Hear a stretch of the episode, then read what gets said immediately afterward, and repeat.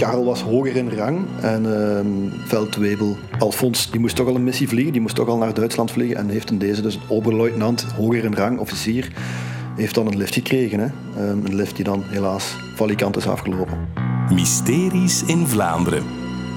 Ik ben Harald Scherelink van Radio 2 en ik ga voor jou uitzoeken of er twee Duitse soldaten begraven liggen in het meer van Keerbergen. We zitten in het najaar van 1940. De Duitse troepen zijn een paar maanden geleden ons land binnengevallen en pikken alles in wat hen van pas kan komen. Ja, zo laten ze ook hun oog vallen op Keerbergen, want sinds de jaren 30 is er daar een vliegveld. Precies op de plaats waar vandaag het bekende meer van Keerbergen ligt. Maar daarover later uh, ja, meer. Luchtvaartjournalist Frans van Humbeek die schreef daar trouwens ooit een boek over met de poëtische titel Het verdronken vliegveld van Keerbergen. Mooi hè? Het is inderdaad niet altijd een uh, meer geweest. Je moet het u voorstellen dat begin jaren 1900 was dat eigenlijk een heidelandschap met hier en daar wat kleine boerderijtjes. Uh, en uh, voor de boeren zelf was dat daar hard zwoegen om eigenlijk rond te komen. Het was echt geen prettige streek om te wonen. Maar de stadsbewoners die zagen dat anders. Die kwamen al snel naar daar voor de goede lucht. Uh, die begonnen stilaan een, een kamer te huren om een dagje langer te blijven. Hè. Dus er begon stilaan een stadstoerisme te ontstaan. En een van de bewoners daar, een zeker George Schoules, uh, die had dat al snel in, in de mot. Uh, die had heel wat grond. En in 1932 heeft Goelens dan gezegd van kijk, ik ga samenwerken met een man uit het Gentse. En in 1932 hebben ze daar, zijn ze daar dan gestart met een toerismevliegveld. Een, een klein vliegveldje, een 30 hectare groot. Ja, dat had die meneer Goelens goed gezien. Het werd een plek voor de beaumonde. Voor de mensen met genoeg geld voor een sportvliegtuigje als hobby. Zoals bijvoorbeeld... Een, wielrenner als Poeske bijvoorbeeld.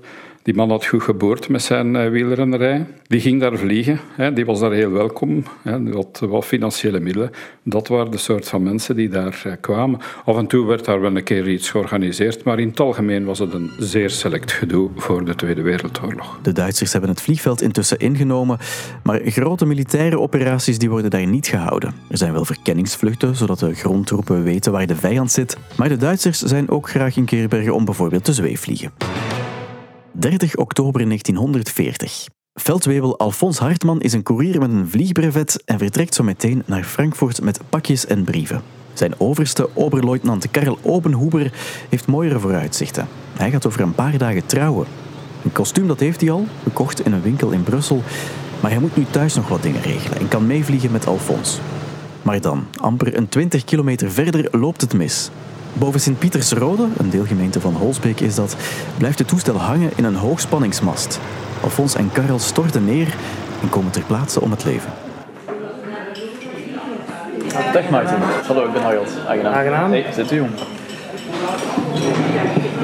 Alles oké? Okay? Ja, zeker en vast.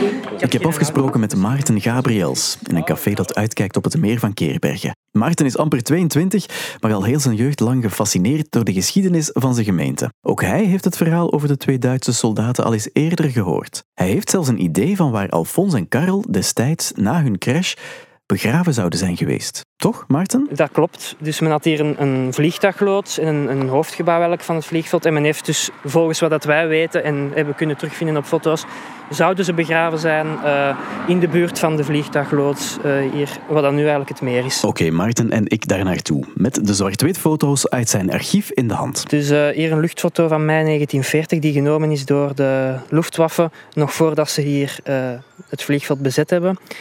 Maar we zien hier, we staan hier dus op de plaats ongeveer waar dat dus de vliegtuigloods zich bevond. Dat is het pijltje hier, ja, hè, op aan de de, kaart? rand, aan, de rand van het, aan de rand van het vliegveld eigenlijk. Wat dat dus ook afgaand op de foto's die we hebben van um, de begraving, de begrafenisplechtigheid van de twee uh, Duitsers, ongeveer de plaats zou moeten zijn waar dat ze toen der tijd uh, begraven zijn geweest. Dus die vliegtuigloodsen die hier stonden, ja, die zien we nu niet meer, die zijn afgebroken. Klopt, dus we staan hier nu voor het voormalig congrescentrum Semcom, dat dus um, in de loop der jaren eerst een tenniscentrum is geweest, dan congrescentrum, maar dat dus gebouwd is op de identieke plaats waar dat dus de vliegtuigloodsen gestaan hebben. Eigenlijk, dat is eigenlijk dichterbij. De graven van toen komen we niet vandaag? Nee, nee, inderdaad. En de kans dat we Alfons en Karel hier gaan vinden is bijzonder klein. Zeker aangezien het vliegveld van Keerbergen al sinds de jaren 60 verdwenen is. En ik had het je beloofd, hè, Frans die weet meer over het meer. Uh, ten slotte hebben ze, ik denk rond 64, 65, een baggerboot op de heide gelegd. Die is beginnen baggeren. Heel wat uh, slip is uh, op gronden gelegd die, die nu eigendom zijn van de, van de golfclub daar. En uh, waar het baggerschip lag, is dan uh, midden jaren 60 het uh, fantastische meer van Keerbergen gekomen. Hè. Dus eigenlijk ook een publiekstrek en een, een prachtig, prachtig stuk daar. Dus waar eigenlijk de, de, de, de, de plaats was waar de vliegtuigen moesten opstijgen, precies die plaats, is eigenlijk een, een meer geworden. De, van het vliegveld zelf is absoluut niks meer, meer over. Hè. Je kunt alleen nog op de plaatsen gaan zitten waar vroeger uh, het clubhouse en het luchthavengebouw was. Dat ook is afgebroken, inmiddels plaats heeft gemaakt voor moderne infrastructuur, restaurants en dergelijke. Maar van het vliegveld zelf is niks meer over toch even mijn licht opsteken bij Guy Kardijnaals. Hij werkt op de grootste militaire begraafplaats voor Duitse soldaten die gesneuveld zijn tijdens de Tweede Wereldoorlog van heel West-Europa. En die begraafplaats ligt hier bij ons in Vlaanderen, in Lommel. Alfons Hartman, dus we gaan kijken bij de HH. Uh, dan moeten we... Dit is natuurlijk de romantische versie. Hè. Het is 20 jaar geleden um, gedigitaliseerd de Excel-file. Dat gaat iets sneller. Even. Dit is hem. Voilà. Alfons Hartman. Geboren 26 augustus 1910 in Klingenstein. Dat is dan Duitsland, vermoed ik. Mm -hmm. uh, maar ondertussen hier, ze hebben hem gevonden. Um, Obenhuber Karel, de um, oberluitenant. En die dan jammer genoeg met Alfons ook met vlieger en al tegen de hoogspanningskabels ingevlogen. Je ziet hier ook dat Karel op 30 oktober 1940 gestorven is. Dus dat klopt met wat je uh, tot nu toe wist. Hè? Ja, effectief. Dat is de dag waarop zij ja, neergestort ja. zijn hè, in uh, Holsbeek. Er staat wel iets eigenaardig op uh, Guy. Hier staat, hij is overgebracht dan blijkbaar naar hier. Hè. Dus op, dat staat er ook allemaal op 27 april 1949. Ja. En hij lag vroeger ontgraven te, staat er, Simcom Louvain. Ja, dat zal cimetière communal de Louvain zijn. Dat is het gemeentelijk kerkhof van de gemeentelijke begraafplaats van Leuven. Wacht, maar onze twee Duitsers die lagen toch in Keerbergen begraven?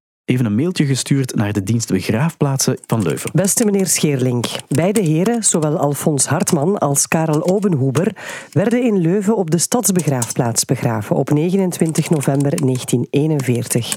Vriendelijke groeten, dienst begraafplaatsen Leuven. Dus de twee soldaten zijn niet één, maar twee keer herbegraven. Eén keer van Keerbergen naar Leuven en dan, bijna acht jaar later, van Leuven naar Lommel. Ja, deze twee die, um, moeten hier begraven liggen. Als natuurlijk alles qua identificatie in een tijd vlot verlopen is en correct verlopen is. Maar daar gaan we vanuit.